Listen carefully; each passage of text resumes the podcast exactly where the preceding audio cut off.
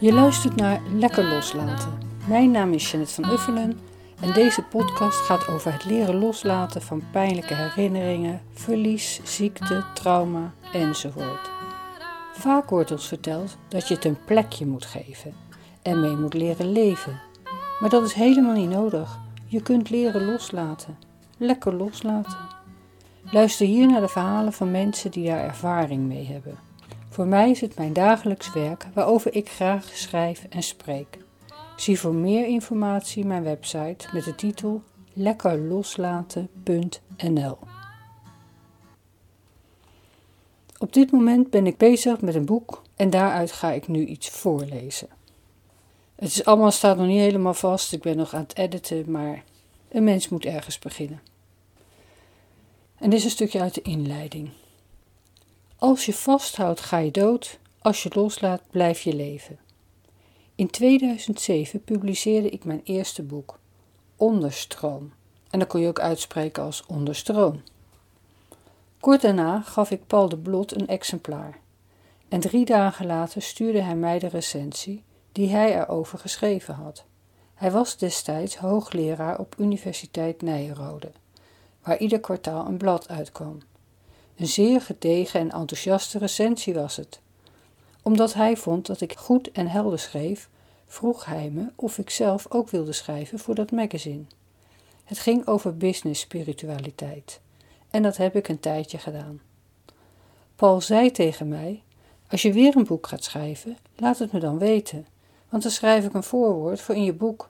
Ik ben namelijk professor en dokter en dat vinden mensen interessant, dus daar heb je misschien wat aan. En hij lachte zijn tanden bloot en keek me aan met grote, wijd open ogen, ondeugend, enthousiast en wijs. Ik heb er lang over gedaan voordat het tweede boek er kwam. En Paul is in december 2019 overleden. Hij was ruim 95, dus ik kan hem dat niet kwalijk nemen. Sterven neem ik überhaupt niemand ooit kwalijk. Ik ben wel eens jaloers, omdat ik nieuwsgierig ben naar wat er gebeurt als je je lichaam verlaat. Nu heeft iemand anders het voorwoord geschreven, maar Paul de Blot verdient een plaatsje in dit boek, want hij heeft het thema loslaten vaak besproken. Hij zei: Als je wilt vasthouden, dan ga je dood, als je loslaat, blijf je leven. Dat had hij geleerd in het Jappenkamp, dat hij vijf jaar volhield en overleefde. Krachtiger kun je het thema loslaten eigenlijk niet benoemen. Paul de Blot was wel van de heldere uitspraken. Er niet omheen draaien. Boem, knal. Daar houd ik van. Waarom zou je het moeilijker maken? Zeg het gewoon, nu meteen. Niet om te kwetsen hoor, integendeel.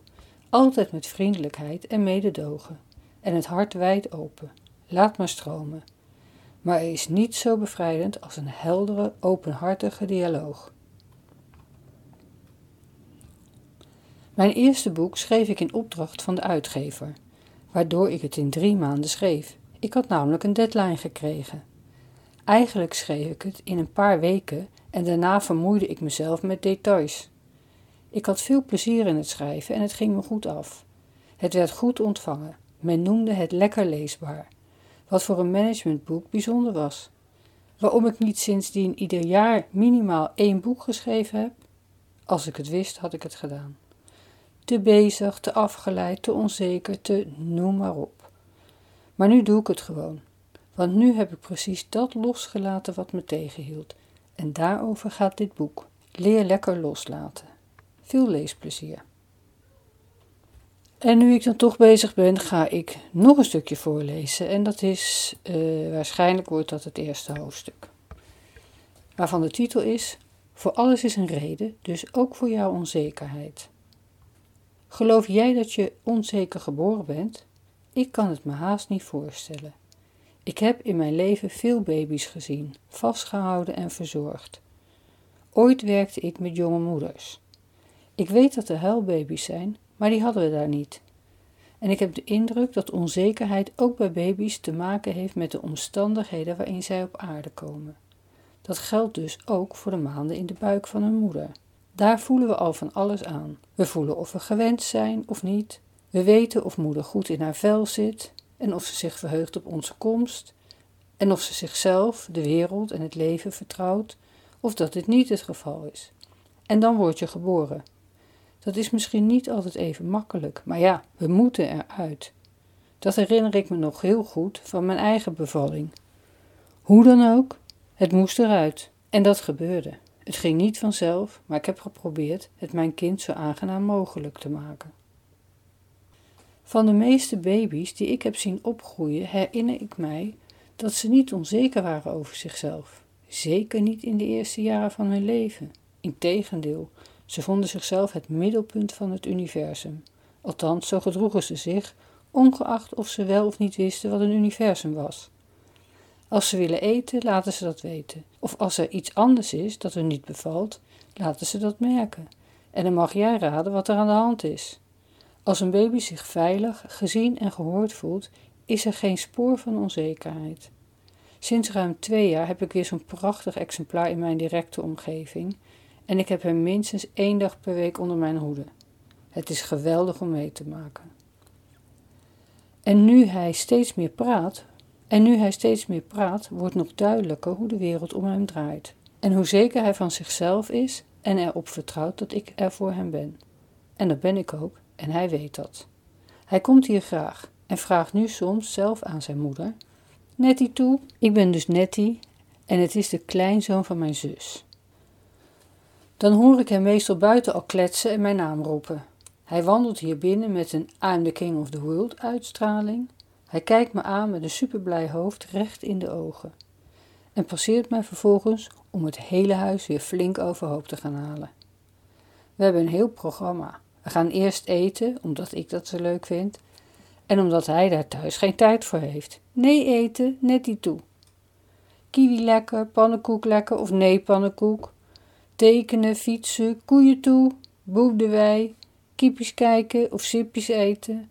Veeën maken, dat is een flesje. Stwand, de R kan die nog niet zo goed zeggen. Stwand, piano en nog meer.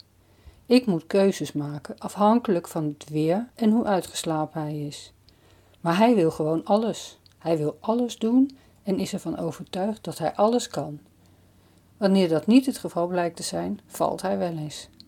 En dan wordt hij kwaad en dan wil hij niet getroost worden, of schreeuwt hij of gooit met spullen. Of hij huilt en dan mag ik hem wel eens troosten. De frustratie duurt heel kort, want meestal probeert hij het nog een keer of tien, of laat het los en gaat over tot de orde of de chaos van de dag. Kleine kinderen hebben geen horloges en klokken waar ze op letten en leven in het hier en nu. Ze eten wanneer ze trek hebben of wanneer ze iets zien dat hun lekker lijkt.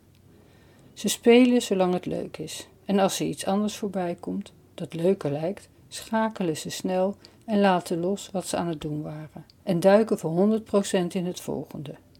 Zeg tegen een kind van twee niet: nu ga je eerst slapen en daarna gaan we naar de dierentuin, want ze onthouden dat laatste stukje van de zin en staan meteen klaar voor de dierentuin. Ze hebben geen besef van tijd, ervoor of erna, en doen geen oog meer dicht van pure opwinding, als ze weten wat een dierentuin is en dat herkennen als iets leuks. Pas liet ik Sammy een ijsje uitkiezen. Ik pakte twee ijsjes uit de vriezer en zei: deze of deze. Hij koos de tweede. Ik legde de eerste terug en nam er een derde bij en vroeg weer: deze of deze. Hij koos weer de tweede. Dat deed ik nog een keer en zo had ik nog een uur door kunnen gaan, want kinderen van die leeftijd kiezen de laatste optie. Iedere keer weer. Daarom moet je een kind van twee ook niet vragen wat jullie gaan eten vanavond. Dat is te veel. Dat moet je zelf beslissen en niet aan je kind vragen. Voor iemand van die leeftijd moet je denken en beslissen. Daar moet je ze niet mee belasten. En ja, als ze niet hetzelfde willen als jij, kunnen ze een hoop stampij maken. Dan moet je ze alles uitleggen, bij voorkeur op het niveau van een tweejarige. Je geeft hun geen encyclopedie of een YouTube-filmpje van 10 minuten met uitleg. Als een kind het niet snapt, kan het boos worden uit pure frustratie. En dan met iets gooien of gaan schreeuwen. Dat is niet leuk, maar stel je maar eens voor in zijn of haar plaats. Je bent klein, je kunt nergens bij, je hebt dorst, ze verstaan je niet en nog zoveel meer frustrerende ervaringen op een dag. Maar in het algemeen zijn kleine kinderen makkelijk tevreden te stellen, als je de tijd voor ze neemt. Wanneer ze weten dat ze gewenst en geliefd zijn, ongeacht wat ze doen. En ze kunnen zich uren verliezen in iets doen of iets maken, wanneer ze er zelf plezier in hebben. nog voor de kritiek en het vergelijken met anderen begint. Kleine kinderen komen hun tekeningen, schilderijen of ander werk laten zien. En als je het zelf niet ziet, vertellen ze dat het een vis is of papa. Of dat jij het bent, met dat grote hoofd en die korte beentjes, zonder neus en met drie haren op je hoofd en een bril op je buik. Ik zat uren te tekenen en iedereen zei dat ik het goed kon. En dat ik zo lekker rustig en makkelijk was als ik zat te tekenen. En zwemmen. Ik hield heel veel van zwemmen. Vooral onder water. Ik vond het heel fijn om te leren zwemmen en was echt blij met dat zwemdiploma. Ook al vond ik de lessen niet prettig, dat vieze chloorwater en daarna met de bus naar huis. Maar toen ik het eenmaal kon, was ik het zwembad niet uit te slaan. Ik sprong van de hoge en lage duikplank, vele malen achter elkaar. Ik deed de handstand onder water en zwom vele baantjes, zo lang mogelijk onder water. Nog steeds zwem ik graag, maar altijd in zee, het hele jaar door. Herinner jij je activiteiten waar je als kind helemaal in op kon gaan? Helemaal één met wat je aan het doen was en waarbij je het gevoel van tijd, voor zover je dat had, helemaal kwijt was. Is het einde van hoofdstuk 1? Nou, dat is het niet, er komt nog een heel stuk bij, maar dat is het einde van dit stukje voor dit moment. Ik dank je voor het luisteren.